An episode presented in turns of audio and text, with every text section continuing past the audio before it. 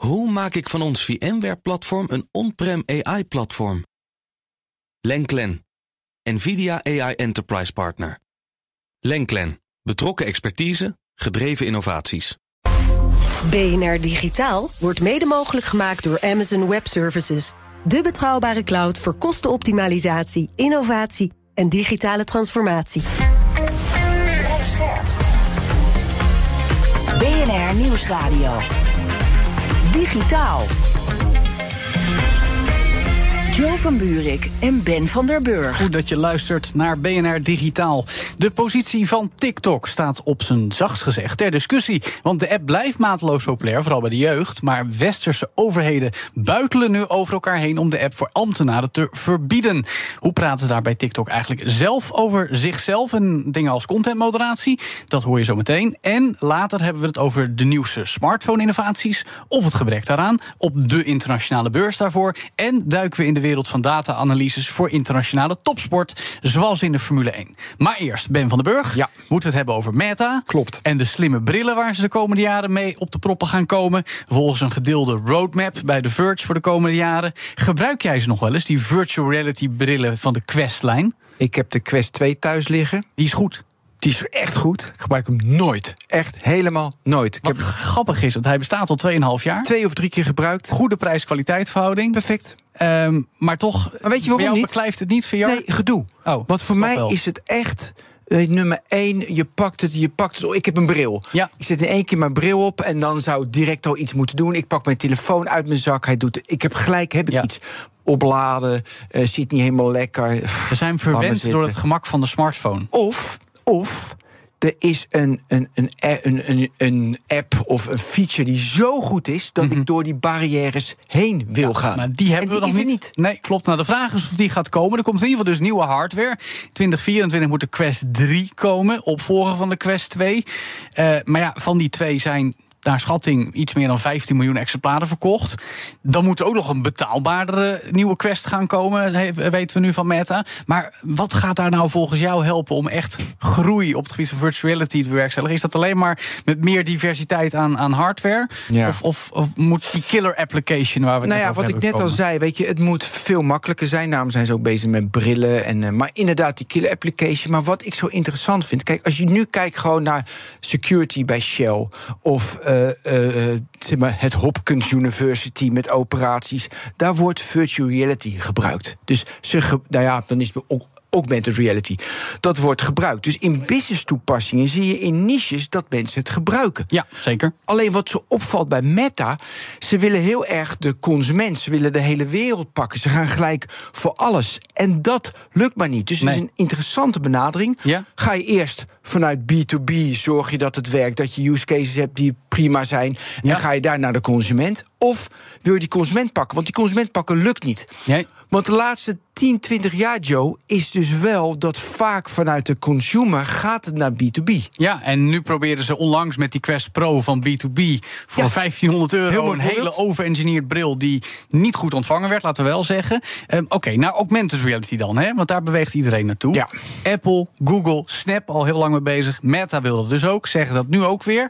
Virtual reality brillen, die hebben we natuurlijk al eigenlijk al tien jaar. Augmented reality brillen blijven een soort vage belofte. Weet je, augmented reality in apps wel, maar niet met een bril op je hoofd en dan de echte wereld zien met een laag informatie overheen. 2025 zou Meta er dan echt mee moeten komen om dingen te scannen.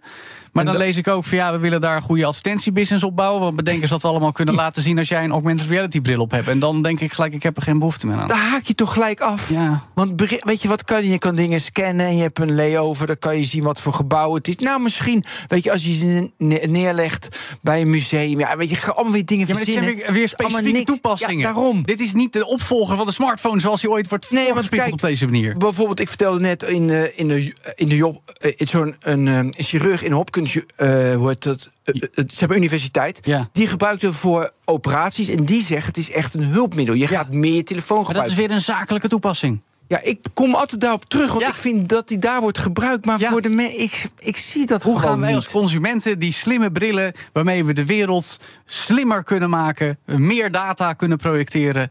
hoe gaan we dat nou ooit echt erin krijgen? Of, Ben, is dit toch ik wil het eigenlijk niet zeggen het volgende metaverse. En vinden dat aandeelhouders het niks. En moet Meta op een gegeven moment over een jaar of twee toch weer zeggen: oké, we gaan meer filmpjes en kattenplaatjes op Facebook en Instagram tonen. Nou ja, Daar nee. verdienen ze geld mee. Nee, uit- uiteraard. En dan wordt het helemaal afgebouwd. Nee, want ik denk uiteindelijk AR en VR...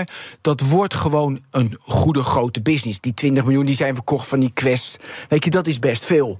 Dus ik denk uiteindelijk wordt het een business. Maar ik geloof alleen niet dat heel de wereld op straat gaat lopen... met een augmented reality bril. Want ik zie die toepassing niet. En dan zeg je, ja Ben, dat zag je ook niet toen de mobiele telefoon kwam. Maar toen zag ik hem wel. Want toen was direct als je al alles, al je informatie op je toestel hebt... is heerlijk. En het is alleen maar vloeiender geworden. Daarom, dus ja, ik, eh, nou, ik moet het nog zien. Ja, nou, we zullen het zien. Vroeg of laat, misschien toch.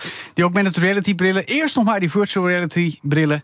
Aan Meta zal het wellicht in elk geval niet liggen. De zoekopdracht. Vandaag een extra bijzondere zoekopdracht weer. En weer over TikTok. Want dat platform bevindt zich op zijn zachtst gezegd in een geopolitieke orkaan. Met toenemende restricties in elk geval voor westerse overheidsmedewerkers. En wellicht binnenkort nog wel meer. Maar wij bij BNR Digitaal willen wel eens weten hoe opereert TikTok nou eigenlijk in ons land, in ons deel van de wereld. En dan gaat het niet alleen om die app zelf met de korte filmpjes en de algoritmische aanbeveling. Maar juist ook aan de achterkant met dingen als moderatie en het nemen van verantwoordelijkheid. En dus hebben we twee collega's van BNR bereid gevonden om dat uit te zoeken. Erik van den Berg van onze onderzoeksredactie en Aaron Dupatti van onze online redactie. Welkom heren. Hoi Joe. Hey. Fijn dat jullie er zijn. Laten we maar gelijk hebben over de inhoud. Want jullie spraken onlangs met een hooggeplaatste vertegenwoordiger van TikTok, Theo Bertram, een Brit, hoofd Public Affairs van eh, TikTok in Europa. Hoe was dat gesprek? Eh, ja, bijzonder. Dat sowieso. Maar ook een beetje, ja, we kwamen allebei eruit met de gedachte van... oké, wat hebben we in hemelsnaam eigenlijk meegemaakt? Ja, was het zo'n life-changing experience? Nee, nee, dat niet. Maar het was gewoon... eh, ja, het, het gesprek was heel wollig ook af en toe. En je merkte gewoon, die gast is zo goed eh gemediatraind. Ja, Misschien goed een beetje achtergrond te geven. Hij, Zeker. kwa- hij kwam hier eh, natuurlijk een beetje om een brandje te blussen. Want eh, zoals, die geopolitieke orkaan waar we het over hebben. ja, nou, en dan eh, vooral zeg maar het Nederlandse eh, deel van die storm. Eh, dat was waarom hij bij ons hier in het land was. Eh, nou, ons parlement heeft ook gezegd... we willen dat, eh, die app van eh, telefoon van ambtenaren af. Dus hij komt hierheen ja, om lobbywerk te doen. En daar hoort dan ook zeg maar een perstour bij. Ja. Met En een best wel groot team kwam hij ook. Het was, eh, hij hij, een heel hij zelf had uh, Nikki Sue zat ernaast. Zij was iemand die eh, het meer over desinformatie wilde hebben op het platform. Een deskundige op dat gebied, ook afgestudeerd. in dienst eh, Ja, precies. Ja, ook nog een lobbyist, begreep ik, een ex-politicus. Ja, eh, dat was een Nederlander, de enige Nederlander bij dat gesprek. Dat is een oud eh, D66-adviseur, als ik het goed heb begrepen. Die zat Oh, ernaast. En je had nog gewoon de, de normale eh, voorlichter van TikTok die er ook bij zat. Ja. Dus eh, ja, tegenover die vier mensen zaten we dan. Ja, en dat is eigenlijk zeldzaam. Hè? Ik bedoel, TikTok is opgekomen in coronatijd. Hebben daardoor weinig momenten gehad om te praten met de media. Nu weten we van ook westerse techbedrijven, de grootheden, dat ze dat liever niet doen. Alleen bij selectieve gelegenheden. Hier hadden ze dus zelf een gelegenheid gecreëerd. Nou, ja, TikTok lijkt ook uit een ander vaatje te tappen dan meest van die andere techbedrijven. Is dat Want, zo? Ja, het klopt dat daar altijd eh, nou, nogal gesloten was. Zeker eh, voor Nederlanders. Eh, probeer maar eens een woordvoerder van zo'n bedrijf aan de lijn te krijgen. Maar eh, TikTok pakt dat nu anders aan. Die lijken een strategie van openheid en transparantie te willen volgen in Europa. Juist om mensen te overtuigen dat ze niet met eh, slechte dingen bezig zijn. Ja, en dan echt nadruk op willen. Ja, Ja, maar dat dat volg spreekt me aan. Want als je. Dus wat zei hij als je direct vroeg van. eh, komt mijn data, komt alles van Ben van den Burg, komt dat in China terecht? Dan kunnen jullie daar inkijken. Er zijn een aantal talk, vaste talking points waar hij mee schermde. Met dan een nadruk op vaste talking points. Als Ja, je die ja. interviews naast elkaar legt die hij hier gedaan heeft voor diverse media, dan zie je gewoon echt dezelfde zinnen terugkomen. Ja. Maar wat zij zeggen is: in de VS hebben wij Oracle, ingehuurd, Mm. aparte databasis, heeft niemand in China toegang toe. Eh, al die spionageakkefietjes uit het verleden gaat allemaal niet meer gebeuren. Ja, en hoe zit het dan met dat privacybeleid wat ze onlangs moesten publiceren voor Europa, waarbij stond het kan ook buiten Europa bekeken worden? Of wilden ze daar niet op ingaan? Nou, ze zeiden nu ook van ja, nee, wat we in Amerika hebben gedaan, dat gaan we nu ook in Europa doen. Ja, dat zijn die extra datacenters die ze willen bouwen. En dan Europa, eh, komt er weer een derde partij bij, die gaat het voor ons allemaal eh, beheren. En dat was ja, eigenlijk exact hetzelfde riedeltje wat we dan ook in alle andere media al konden lezen. En als Ja. we er dan daar meer over wilden weten, ja, dan kon hij daar niet echt over uitweiden. Dat maar wij jammer. hadden daarom bedacht: laten we het over iets heel anders gaan hebben. Precies, want jullie hebben een eigen onderzoek gedaan. Hoorden we begin van deze week ook al bij BNR.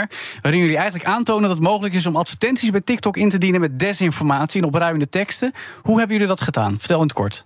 Uh, ja, we hebben een aantal video's gemaakt. Uh, ja, in TikTok-stijl natuurlijk. We hebben beelden uh, gepakt.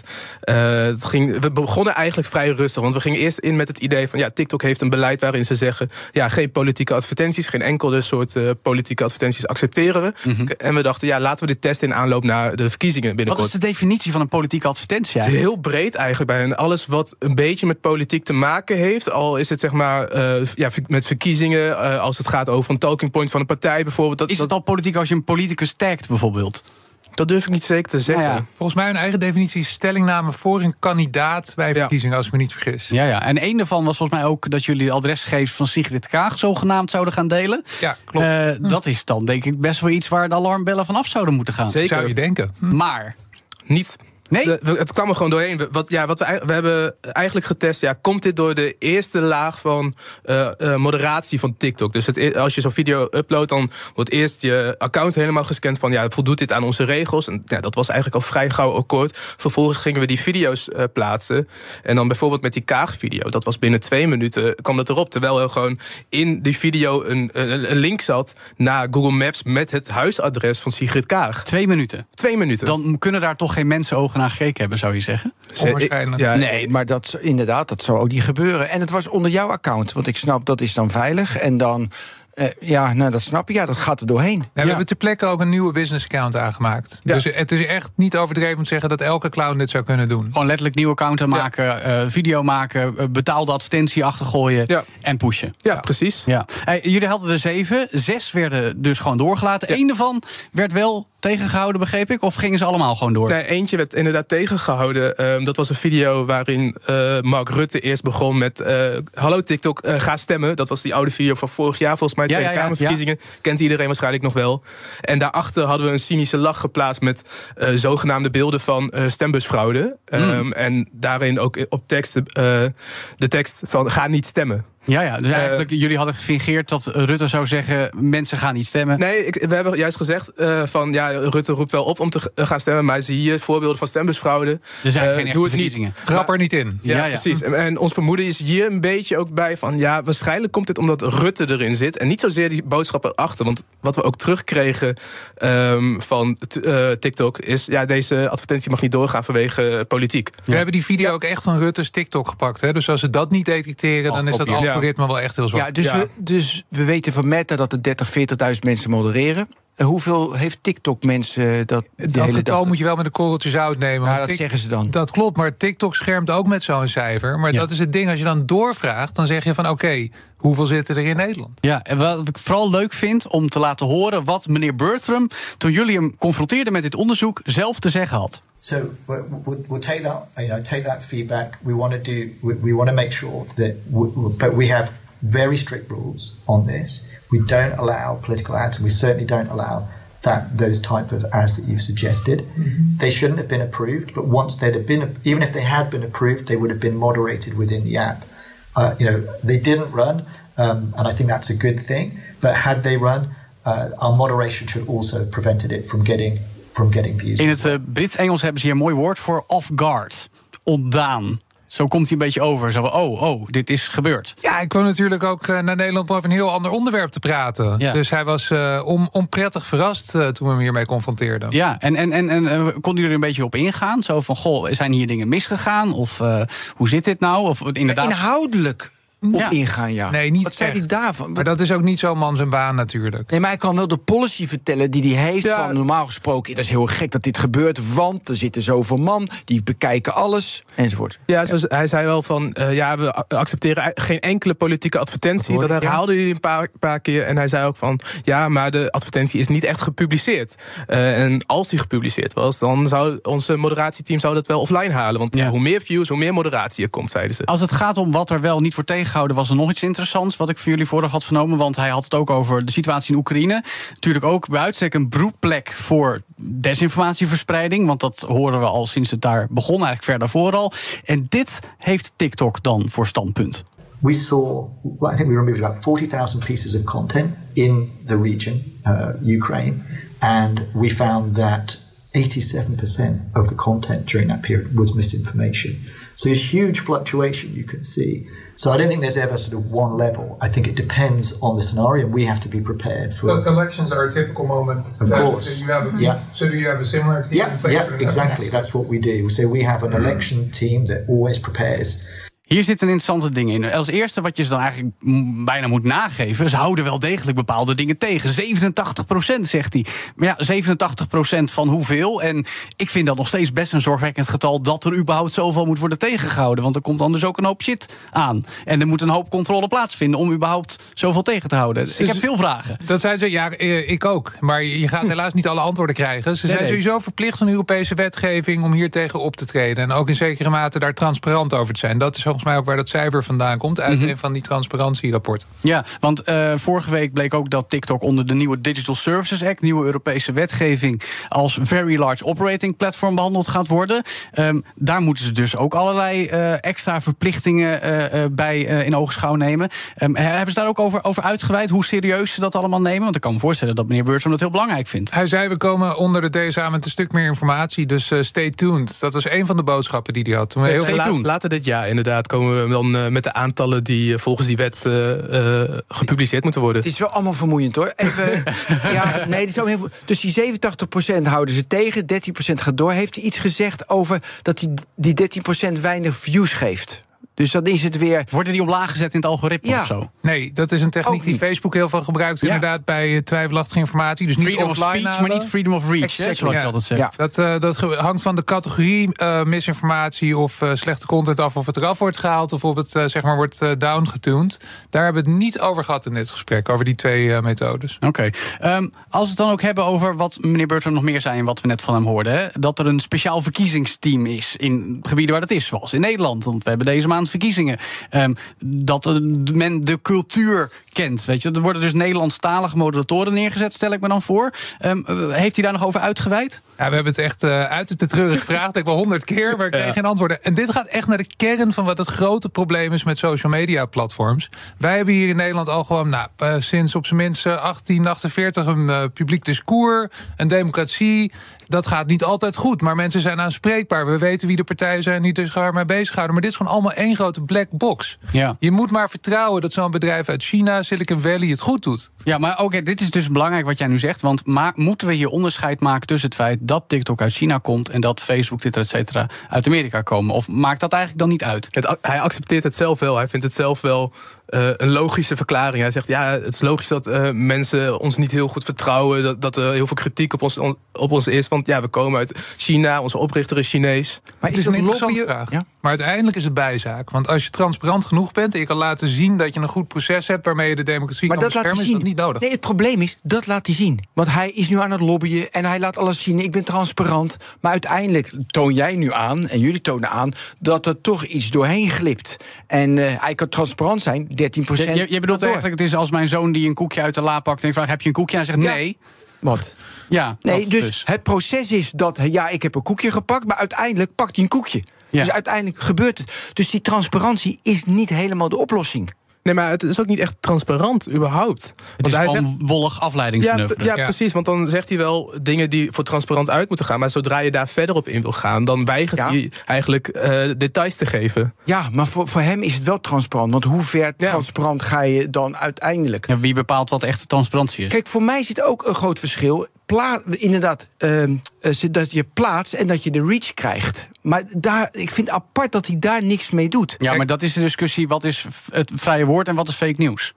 Nee, Oké. Dus dan wordt het al heel gauw ingewikkeld, denk ik. Nou, het, het kan ook heel simpel worden gemaakt. De stembussen zijn vandaag gesloten, eh, is gewoon, moet meteen offline. dat dat is niet nieuws. iets waar je het bereik moet verminderen. Dat is gewoon levensgevaarlijk. Niet alleen omdat mensen dan misschien niet naar de stembus gaan, maar het ondergraaft ook het vertrouwen in die verkiezingen als ze gehouden worden. Dus het is echt gif voor het democratisch proces. Ja. Ehm, wat, wat, wat zei hij verder hierover wat, wat nog opviel? Of waren de dingen waar hij zelf heel veel nadruk op legde? Ja, het, eh, hij speelde een aantal keer wel de kaart van eh, we worden harder gepakt omdat we uit China komen. Daar, Ja. daar, Ja. Dat was wel een ondertoon die in het gesprek eh, wel vaak aan bod kwam. Ja, maar da- dan, daar hadden we het net al over als het gaat om moderatie. Daarvan kun je ze nog op een grote hoop gooien. De reden waarom die kwam, namelijk die geopolitieke storm en alle overheden die één voor één zeggen: Nou, we verbieden het nu voor ambtenaren. En in de VS wordt er deze week ook gestemd over een mogelijk mandaat om het voor iedereen misschien zelfs te verbieden. Weet je, dat is nog een paar stations verder.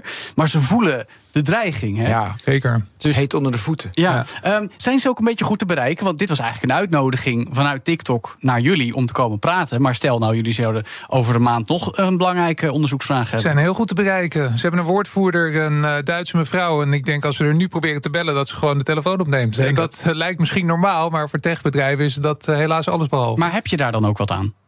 Als in, zeggen ze dingen waar je wat mee kan? Of is het weer een kwestie van transparantie voor transparantie, maar niet echte transparantie?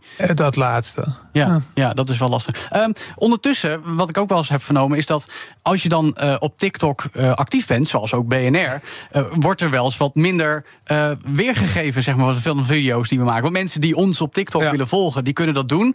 Maar jij vertelde me wel eens dat, naar aanleiding van publicaties, opeens in de cijfers bleek dat TikTok-video's van BNR minder bekeken werden. Ja, precies. Nee, het was een keer een video waarin ja, een kritische noot over TikTok uh, werd gepubliceerd op ons TikTok-kanaal. En ja. die video heeft echt maar wat is het, nog niet eens een paar honderd weergaven gekregen. En vervolgens het aantal video's daarna ook niet.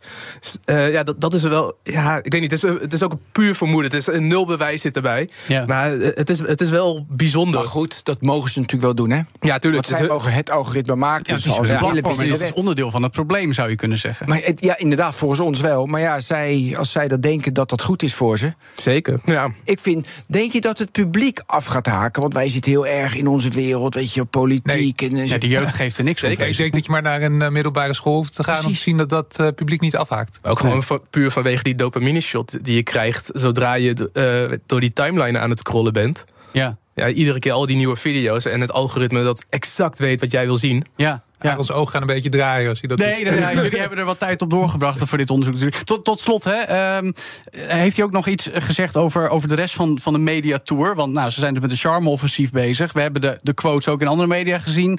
Uh, dus hij gaat gewoon landen af. Dan gaat hij druk krijgen, denk ik, met al die westerse overheden die we weten we niet hoor. Of hij ook nee? andere landen. Ja, het klopt dat er een aantal andere landen zijn waar dit nu speelt. Ik bedoel, hij kan, hij doet Europa, maar zou ook naar Canada kunnen vliegen, mm -hmm. gehoord. Maar uh, we weten nog niet uh, wat zijn volgende bestemming is. Nee. nee, nee. Ja, nou, dan moeten we dan maar in de gaten houden. En ik kan me voorstellen dat het ergens in de loop van dit jaar nou, nog een keer in Nederland losgaat. Waar ik wel ja, benieuwd naar ben, zal de restrictie zo heftig worden dat ze echt last van krijgen, ook bij de consument. Ja. Daar ben ik benieuwd naar, want de restrictie is best wel heftig. Nu. Ja, of dat we nog een heel publiek debat gaan krijgen van de mensen die dit allemaal niet uitmaakt, die gewoon leuke filmpjes willen zien. Ja, in de VS hangt nog steeds wel een mogelijk uh, totaalverbod boven de markt. Zeker, daarom. Als dat gebeurt, dan hebben ze echt een probleem. Nou, en ja. dat gaan we nog maar even afwachten. Dank in elk geval voor de resultaten van deze uitgebreide en boeiende zoekopdracht. Erik van den Berg van onze onderzoeksredactie en Aaron Lupatti van onze online redactie. Straks worden we bij BNR digitaal sportief. Nou ja, niet fysiek, maar wel als het gaat om data-analyses in de koningsklasses van de sportwereld, zoals de Formule 1. En we gaan horen wat voor smartphone-nieuws er allemaal komt vanaf het grootste event op dat gebied ter wereld in Barcelona. En dat hoor je allemaal na de break. BNR Nieuwsradio. Digitaal. Jo van Buurik en Ben van der Burg. Welkom terug bij BNR Digitaal. Wie wordt dit jaar Formule 1 wereldkampioen? Nederlandse fans zullen het wel weten, maar de meest neutrale voorspellingen komen voort uit keiharde data-analyses. Straks meer daarover, want eerst gaan we weer eens praten over smartphones. Die staan immers centraal op het Mobile World Congress, het MWC, in Barcelona deze week. Maar wat voor nieuws is daar nou te beleven en hebben we er ook echt wat aan? Dat bespreken we nu met Donovan Kersenberg, smart smartphone-expert van tweakers.net, live vanuit Barcelona bij ons. Welkom. Ja, dankjewel, dankjewel. Hey, Donovan. Um, wat is dit jaar nou het grootste nieuws op het MWC als je het moet aanwijzen? Uh, ik denk dat uh, toch de uh, oprolbare schermen, apparaten met oprolbare schermen, nu wat vaker naar voren worden geschoven. Er zijn verschillende partijen die zich daarmee bezighouden. Maar dit jaar is het vooral Motorola die daarmee eh, te koop loopt. Ja, ik zag ook van Lenovo volgens mij al wat. Um, ja, ja, klopt. Lenovo en eh, Motorola is, eh, is dezelfde partij. Ja, ja, ja, misschien wel aardig om dus even te beschrijven, want niet iedereen heeft het nee, hoe, hoe, hoe, werkt, hoe werkt zo'n ding dan nou? Uh, Donovan, heb je er al een in handen gehad? Uh, ja, ik heb, uh, ik heb ze allebei al uh, eventjes mogen bepotelen. En ja, het, het, het, ziet eigenlijk zo. Het ziet eruit als, als een, ja, een apparaat. Laten we beginnen met, met de smartphone. Het ziet er gewoon uit als een als een normale smartphone. En dan eh, druk je dus op een bepaalde knop en dan eh, wordt het scherm dus langer. Dus het, is meer, het lijkt een beetje alsof het uitschuift. Ja, ja. En dat is heel terwijl, dun, hè? zeg maar, Het is heel dun. Naar boven. Ja, dus het frame is Ja, heel precies. dun. Ik dacht gelijk, dat breekt toch? Of is dat niet zo?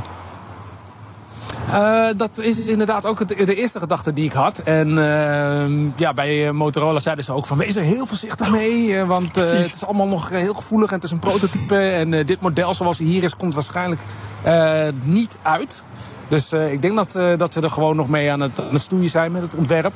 Maar eh, mijn eerste gevoel was inderdaad wel van... ja, dat was wel, wel wat breekbaar. Dat zag bij de, de laptop met het uitrolbare scherm... zag dat er iets steviger uit. Maar daar zat ook een wat, wat dikker frame omhe- omheen. Ja, en toch krijg ik een beetje een déjà vu, Donovan. Na een jaar of vijf geleden toen de foldables voor het eerst opkwamen. Eigenlijk is Samsung nu de enige die daarmee doorgaat. We horen wel geruchten dat Google het binnenkort zou doen. Heel misschien zelfs Apple. Maar gaat dit het dan wel worden? Want foldables zijn eigenlijk alleen bij Samsung... en dan vooral in Azië echt aangeslagen. Hè? Hoe gaat het dan bij rollables worden?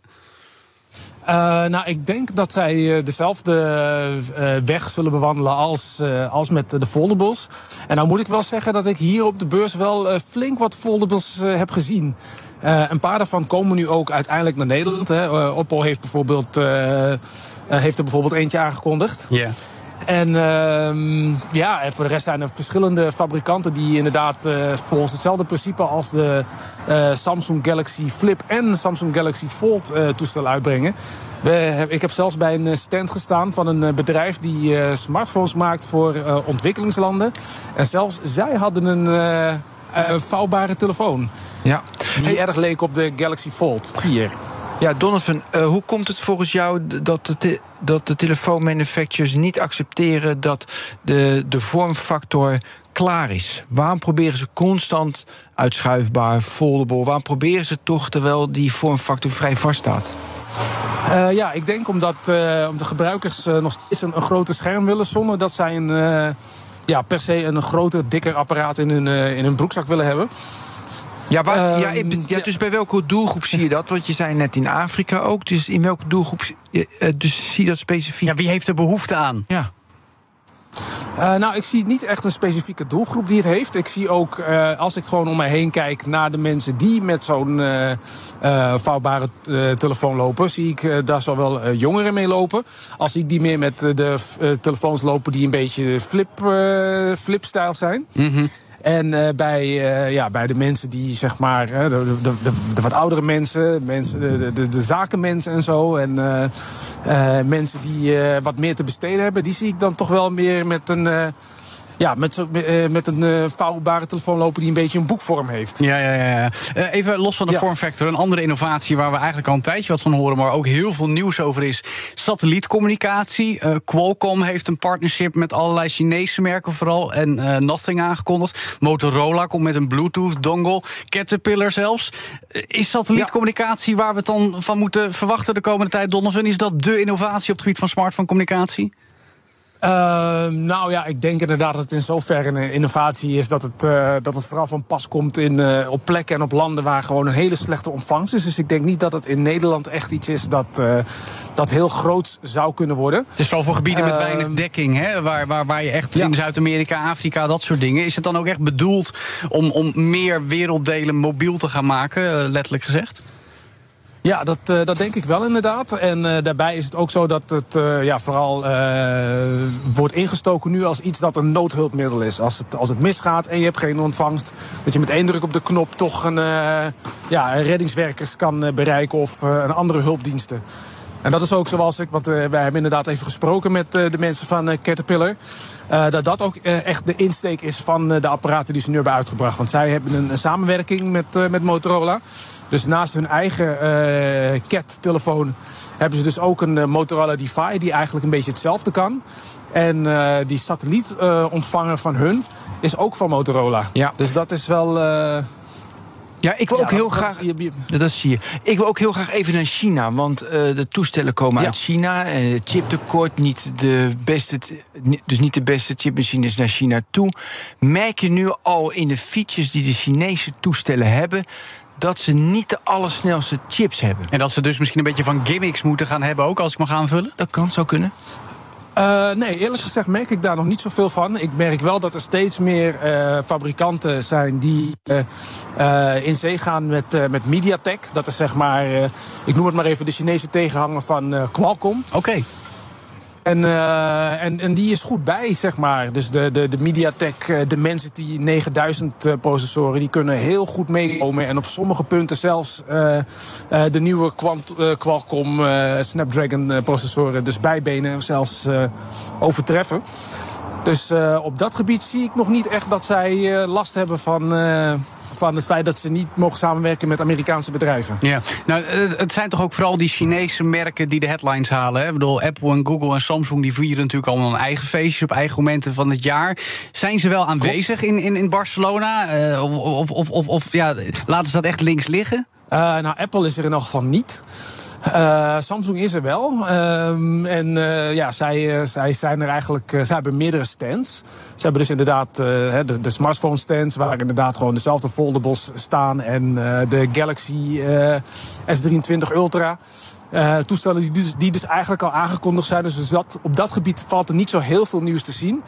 Maar uh, ja, ze maken natuurlijk ook uh, andere apparatuur en communicatieapparatuur die niet zozeer is toegespitst op de consumentenmarkt. En daar hebben ze een aparte stand voor, waar ze weer uh, andere dingen doen. Ja, toch heb ik het idee, Donovan, dat we de laatste jaren gewoon weinig echte innovatie zien op het gebied van smartphones. Ben zei het al, die form factor die is misschien wel vastgesteld. Dan is het interessant om te zien dat ze met foldables en rollables nieuwe dingen proberen.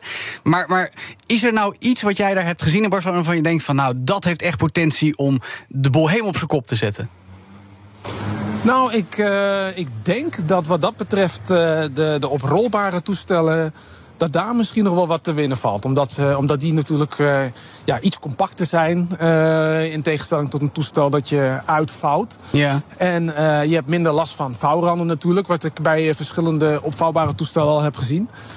Dus ik denk dat daar nog wel iets te winnen valt. Maar inderdaad, om eerlijk te zeggen, is het niet meer zo dat, ik, dat je zo vaak dat wauw-moment hebt die ik ja, noem maar wat, vijf of tien jaar geleden had. Uh, ja. Als ik uh, nieuws uh, te horen of te zien kreeg over de nieuwste smartphones en de technologieën die daarbij komen. Ja, nou, en aan smartwatches zijn we inmiddels ook allemaal gewend. Tenminste, Ben wel, ik niet. Um, tot slot dan. Ja. Moeten we het dan verwachten van augmented reality brillen? Want dat blijft ook een eeuwige belofte. Meta had het in het begin over. Komt er pas in 2027 mee volgens de planning. Um, heb jij daar iets van gezien? Of blijft dat nog een beetje een faraway dream, die AR-switch als het gaat om mobiele communicatie? Nou, wat grappig is dat ik daar meer van gezien heb dan ik in eerste instantie uh, had verwacht van tevoren. Oh. Uh, want uh, ik heb best wel veel partijen gezien en gesproken die inderdaad bezig zijn met augmented reality brillen. bijvoorbeeld Oppo is ermee bezig. TCL bijvoorbeeld. TCL heeft trouwens, was een van de weinigen die ik had gezien met een echt volledig kleurenscherm die ingebouwd was in de augmented reality brillen. Ehm, ze konden me allemaal nog niet vertellen wanneer ze precies uitkwamen. Maar uh, eh, TCL die heeft bijvoorbeeld wel laten weten dat ze, dat ze dit jaar nog met, uh, met iets op de markt willen komen. Oké, okay. dus, uh, ook in Nederland? Er zijn best wel wat. nou, dat konden ze niet met zekerheid zeggen. Ze zeiden Europa. En toen ik vroeg, ja, hoe zit dat dan met, met de Benelux? Zeiden ze, um, um, ja, nee, Europa. Nou ja, nou gewoon dus, Europa. Dus we kunnen verwachten dat jij in de loop van dit jaar iets met augmented reality brillen zal bespreken op Tweakers, neem ik aan. Wie weet, wie weet. Ja, ik, we gaan ze in elk geval, we blijven ze er in elk geval wel even over lastig vallen. Maar ja, nee, ik heb ja, ik heb, er, ik heb er genoeg gezien in elk geval, van verschillende merken. Dank, Donner van Kersenberg, smartphone-expert van Tweakers.net... vanaf het Mobile World Congress in Barcelona. Digitaal. Data-analyse is tegenwoordig een onmisbaar wapen in de gereedschapskist van sportteams en organisatoren. Een van de beste voorbeelden daarvan zien we in de Formule 1. Toevallig mijn oude vakgebied als verslaggever. En notabene, dit weekend gaat het seizoen weer van start. Maar waar het nu om gaat, is de technologie van Amazon Web Services. Ja, tevens de sponsor van deze show. Maar juist met die tech kan zowel de teamleiding als ook de kijker een stuk wijzer worden. Hoe dat allemaal in zijn werk gaat en welke andere sporten er veranderen door dit soort technologie, bespreken we nu met Luc Vigdor, Principal Sports Technology Officer bij AWS. Dus welkom, Luc.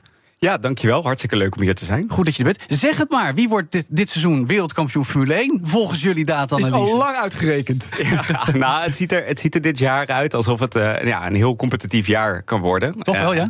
We hebben, we hebben de testen gezien natuurlijk in de, afgelopen, in de afgelopen dagen. Die zagen er ja, heel goed uit voor Red Bull. Maar de andere teams zijn wel een stuk dichterbij gekomen. Denk ja. Maar welke, welke data pakken jullie dan nog van buiten wat wij zien... waardoor jij beter een voorspelling kan doen?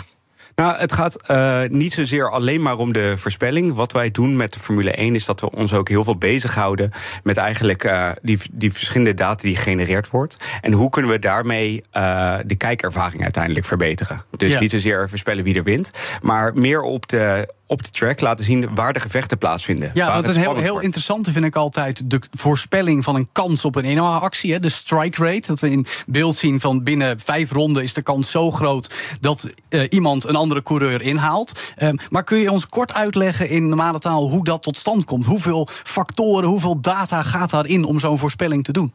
Ja, ja, zeker. Nou, je hebt op, uh, op elke Formule 1-auto heb je ongeveer 300 sensoren uh, zitten. En die genereren 1,1 rondom de 1,1 miljoen datapunten per seconde. Nou, het is een enorme, enorme bak data die van alles meten rondom de auto. Mm -hmm. nou, daarnaast heb je ook nog allemaal sensoren aan de zijkant uh, van de track zitten. Nog heel even de auto. Wat, wat meten ze allemaal? De temperatuur van de banden, de, de stuuruitslag. Noem even. Je hebt daar 300. Een paar maar, voorbeelden. Een paar voorbeelden. Nou ja, je noemt al goed, de temperatuur van de banden is, is erg belangrijk. Um, hoe de, of de auto aan het pushen is, wat de staat van de, de engine is. Uh, hoe de pace, wat de pace mogelijkheid is eigenlijk voor die Formule 1 auto. Dus ja, echt een enorm scala aan uh, metingen, aan inzichten komt er uit een auto. En hoe kun je daarin de factor uh, kunde van de coureur meenemen? Want dat is natuurlijk heel subjectief en afhankelijk van misschien de dag. is, dat, is dat ook mee te nemen in zo'n dataset? Nou, je, ziet in een, een, paar inzichten bijvoorbeeld, die wij ook uh, geven. Bijvoorbeeld uh, de corner analysis, waarin wij laten zien um, hoe coureurs remmen. Waar ze in de bocht remmen. Ja. En waar ze weer versnellen. En daarmee kunnen we ook laten zien hoeveel sneller een bepaalde coureur uh, een bocht neemt dan bijvoorbeeld zijn teammate. Ja. Of dan zijn uh, close, closest competitor, zijn, uh, zijn grootste tegenstander. Ja. En dit proberen we dan uiteindelijk weer aan de kijker te laten zien. Om te zorgen dat zij inzicht krijgen in waar wordt het verschil op de track nou uiteindelijk gemaakt. Ja, nou de kijker krijgt dit natuurlijk in beeld met graphics. Weet je wel, wat ik net noemde, die strike rate. Of wanneer de pitstops gemaakt kunnen worden. Zo zijn er nog wat voorbeelden. Um, ik stel me voor dat het ook in apps terugkomt. Maar dat is voor de kijker. Hoe hebben de deelnemers, de teams hier ook iets aan? Nou, wij werken naast de Formule 1, waar we ze eigenlijk helpen op, op verschillende doeleinden. De kijkervaring is een, is een, heel, groot, uh, een heel groot focuspunt. Mhm. Mm -hmm. Maar ook, we werken ook met teams samen, zoals uh, Sauber, het bedrijf achter Alfa Romeo. Mhm. Mm -hmm. uh, die aan het begin van een, reis, een race eigenlijk heel veel bezig is met hoe moeten ze de auto nou uiteindelijk zo goed mogelijk afstellen. hoe willen we, willen we een beetje oversteer, understeer? Hoe moeten we, wanneer moeten we pushen, wanneer moeten we het niet doen? Welke banden zetten we erop? Welke strategieën volgen we? Ja. Nou, daar zijn heel veel verschillende keuzes die je kan maken. En om te kijken hoe die keuzes uitpakken van tevoren, runnen ze heel veel simulaties. Ja, en dat doen ze met jullie technologie. Met jullie te nou, dat deden ze dus bijvoorbeeld eerst deden ze dat met een aantal servers die ze elke keer naar elke Grand Prix meeshipten en in hun garage stonden. Je had ze gewoon letterlijk onsite meegenomen ja, naar de die Grand staan dan in een hoek staan die eigenlijk te draaien. Zo. Die staan ja, simulaties sta, te draaien. Maar ik heb nog heel veel vragen. Maar ik wil even. Dus um, je, je zei in de auto. 300 bij alle auto's dus. Dus ook van Max Verstappen. En die is er niet. Nee, dit gaat om Sauber, hè? Dat weet ik. Nee, maar ik wil eerst. Ik ga even terug. Okay. Dus bij alle auto's is dat. Dus je hebt alle auto's die 300 punten. Ja. En ook nog langs de. Uh, dus, dus ook nog langs de kant. Ja. Waardoor ze ook de snelheid hebben, hebben we de data. Vroeger service, nu gaan we naar Sauber. Mhm. Service gewoon meezeulen, ja, dat schiet natuurlijk niet op. Nu gaat dat naar een, del, naar een datacenter van AWS. Ja. Maar is die vertraging niet te uh, hoog? Dat vroeg ik me heet het af. De latency. De latency. Je moet helemaal Ja, naar die eh, datacenter en- die en- staat in Ierland. En je zit in Bahrein. Succes. Ja, dit was ook wel een van de, de grootste uitdagingen die we zeker in het begin van onze samenwerking met de Formule 1 hebben gedaan. Stel je voor, je hebt namelijk een, eh, een race in eh, Australië. Het eh, technisch centrum van de Formule 1 staat in de Bigging Hill. Dus hoe krijg je een datapunt van Australië naar Bigging Hill, de cloud in en weer terug uiteindelijk in de broadcast. In een paar seconden. Want als je te laat bent met een, uh, met een moment, met een uh, strategie die je wil laten zien, dan is die strategie is niet meer relevant. Dus nou ja, dat hebben we in het begin gedaan, zeker met onze eerste graphic, Pit Strategy Battle.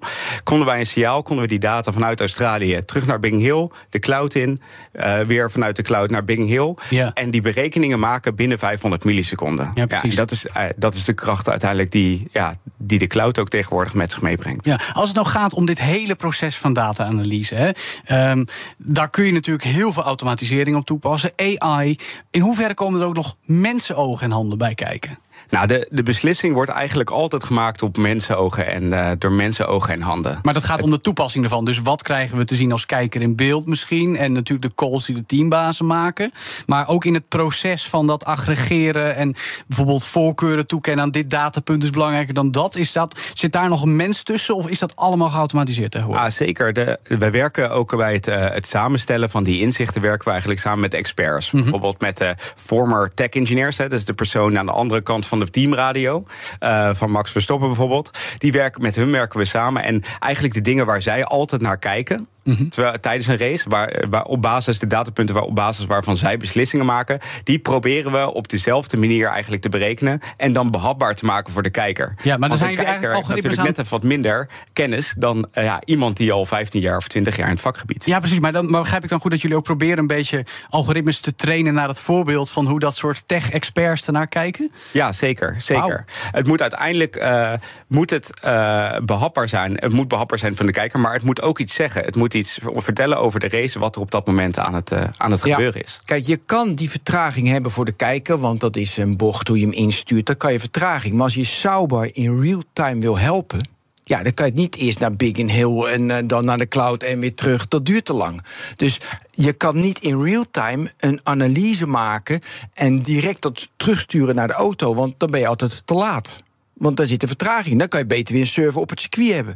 Ja, Hoe kijk je het is, dus, um, het is altijd een afweging uh, in hoeverre latency belangrijk is en in hoeverre rekenkracht belangrijk is. En ook hoe speelt kosten daar uiteindelijk in mee. Wat we bijvoorbeeld om het verhaal van Sauber af te maken, mm -hmm. wat we hebben gedaan is we hebben eigenlijk hun simulatiesoftware hebben we gemigreerd naar de cloud en eigenlijk geoptimaliseerd. En in plaats van een paar duizend simulaties konden we toen in één keer honderdduizend simulaties in zes uur maken. Nou ja, dat is wel een wezenlijk verschil dat je uh, veel meer dingen kan proberen. En we konden zelfs de mogelijkheid hadden om op te schalen naar miljoen simulaties. Wat gewoon je kans enorm vergroot om uiteindelijk het bij het rechte eind te hebben. Ja, en die simulatie is dus hoe je rijdt op de track. Ja, je, je strategie. Je strategie, uh, hoe je rijdt, mee, welke wanneer banden. ga je pushen, wanneer ja. ga je En dan je heb je dus een, je hebt miljoen, miljoen simulaties gedraaid. Dan heeft die coureur heeft precies, ik moet dat moet ik nadoen. Ik moet dat benaderen, de meest ideale... En dat is allemaal theoretisch, hè? Volgens in de race kan er van alles nog wat gebeuren wat het maar in de war theorie. komt. En dan probeert hij dat zo goed mogelijk na te doen. Ja. Toch? Ja, ja precies. Ja, ja. Hey, uh, nu eventjes, hè. Uh, ik bedoel, ik hou van tech, ik hou van autosport. Maar sport is ook passie, is romantiek. En nu gaan we dat heel erg data analyseren en gaan we uh, volledig voorspellen, zowel voor de deelnemers, dat snap ik nog, maar ook voor de kijker wat de uitslag wordt. En ik snap natuurlijk dat er belangen zijn hè, met, met, met sponsoren die dat graag willen weten en de gokmarkt. Maar uh, neemt het niet een beetje weg van die romantiek? Houden jullie daar rekening mee dat je bepaalde dingen misschien voor de kijker niet vertelt, zodat het nog wat leuker of spannender blijft? Of ben ik dan te uh, nostalgisch. Nee, romantisch. Nee, nee uh, zeker niet. Um, het ligt er echt aan uh, met, ook met wie je het erover hebt. Als je ja. bijvoorbeeld met Alfa Romeo of met Sauber het erover hebt, of met Red Bull, het maakt niet uit hoe nee, romantisch het is. Die willen gewoon die willen winnen en zoveel mogelijk punten. Ja. Maar als wij samen met de Formule 1 werken om zo'n inzicht te laten zien, dan werken we heel dicht samen ook met de, de broadcasters, de commentatoren en de editorial staff. Ja, ja. Om uiteindelijk te kijken hoe kunnen we deze inzichten, hoe kunnen die bijdragen aan het verhaal. Een mooi voorbeeld daarvan is onze pitstop strategy battle. Mm -hmm. Waar we berekenen wat de uitkomst is nadat uh, beide auto's klaar zijn met een pitstop en weer terug op de track komen. Ja. Die laten we zien voordat die uh, tweede auto de pitstraat ingaat. Maar dan halen we dat inzicht weg. Ja. En dan laten we vervolgens laten we de commentatoren en de, ja, de productiebedrijven laten we dat verhaal helemaal uittekenen. We geven dus niet het resultaat weg. We geven alleen aan dat hier komt een battle aan waar het er echt om gaat spannen. Ja, dat dus snap ik. Is echt, hoe gebruik je die inzichten? Ja, ondersteuning voor de kijker van hey, let hierop, want hier wordt het spannend. Dat, dat snap ik ook. Maar toch, hè, je hebt dingen als thuisvoordeel, zoals je dag hebben. Dat kun je toch niet meenemen in een data-analyse, of, of, of wel? Nou, uh, uiteindelijk gaat het erom uh, wat je uiteindelijk wil laten zien met die data. Uh, wat je wil doen. Kijk, een Formule 1-track, dat is kilometers lang. Mm -hmm. Het zijn 20 auto's. En er is een enorme uitdaging voor een productieteam om te laten zien op elk moment waar het om draait in Ja. die race. Waar is de battle? Wie is elkaar aan het inhalen? Wie, is er een, op een, wie zit er op welke strategie? En door middel van data kunnen wij eigenlijk die, uh, die directors helpen met het juiste verhaal op het juiste moment Ja. uh, te vertellen. En uh, misschien zorgen dat we dat nostalgische moment niet missen. op dat Nee, ja, ja, ja, zodat je echt kan benadrukken. Tot slot dan nog wel kort, hè, want we hebben het nu het over Formule 1 gehad. Jullie doen nog veel meer sporten. Ehm, wat is nou nog een, een ander mooi voorbeeld van wat jullie in een sport doen met data-analyses? Waar je heel kennen? blij van wordt. Ja? Nou ja, ik, ik vind zelf uh, het werk wat we doen met uh, voetbal ook heel erg gaaf. Okay. En uh, specifiek, um, de uitdaging is daar, is, is daar ook heel groot. Omdat een Formule 1-auto gaat één kant op, over het algemeen. Als het goed gaat op, op track. Ja. Maar een voetballer kan elke kant op. Wow, ja. En soms is een paas terug is veel beter dan een paas vooruit. Nou, door middel van technologie zoals computer vision... maar ook andere algoritmes kunnen we door middel van camera's... die we om, in een stadion uh, positioneren, kunnen we de positie van een speler meerdere keren per seconde berekenen. En daar eigenlijk heel veel inzichten geven in een voetbalwedstrijd, highlights creëren daarvan. En die voetbalwedstrijd ook behapbaarder en meer uh, spannend maken. Ja. En het gaafste wat ik daarvan vind, is dat alles wat we nu doen, wat je nu bijvoorbeeld in de topleague ziet, in de, in de Bundesliga, maar ook andere grote leagues, dat uh, omdat we steeds verder die technologie evalueren, kan je dat straks ook in de, in de keukenkampioenschap zien. Leuk. De league eronder. Ja, en misschien ja, ja. straks je, ne Zo, uh, je neefje. het allemaal omlaag. Of Eh, bij uh, Do uh, Dokos zaterdag Nou, 7 kun je je eigen highlights creëren. Ja, Uh, ja, leuk en Ben. uiteindelijk ook bij de trainer. Dat de trainer ook weer iets in heeft en ook weer zijn tactiek aan kan passen. Ja. Dat zou ook gaaf zijn. Ja, en zo Ja. komt het toch uiteindelijk bij iedereen terecht. Leuk dat voetbal, maar ik houd lekker bij Formule 1, ook dit weekend weer. Dankjewel, Luc Vigdor, eh Principal Sports Technology Officer bij Amazon Web Services. Tot zover BNR Digitaal. Altijd terug te beluisteren als podcast op elk bekend platform, inclusief bnr.nl. En onze app, download die, abonneer je op onze podcast ook. En ook op de vele andere die we doen, zoals de Tech-update, de Technoloog, de Cryptocast, All in the Game en Nexus. We zijn zoveel tech-onderwerpen aan het bespreken. Ben, wat houdt jou nou het meest bezig de laatste tijd? Heel kort. Ja, woke AI, daar Oh, kwam. Elon Musk mee. Ja, het slaat nergens op. Maar daar gaan we het over hebben in Nexus. Ja, nou, die moet je dus ook luisteren. Net als BNR Digitaal, dus elke week. En zeg ik namens de tech-redactie van dit programma tot volgende week. Dag. BNR Digitaal wordt mede mogelijk gemaakt door Amazon Web Services. De betrouwbare cloud voor kostenoptimalisatie, innovatie en digitale transformatie. Hoe vergroot ik onze compute power zonder extra compute power? Lenklen, Hitachi Virtual Storage Partner. Lenklen, betrokken expertise, gedreven innovaties.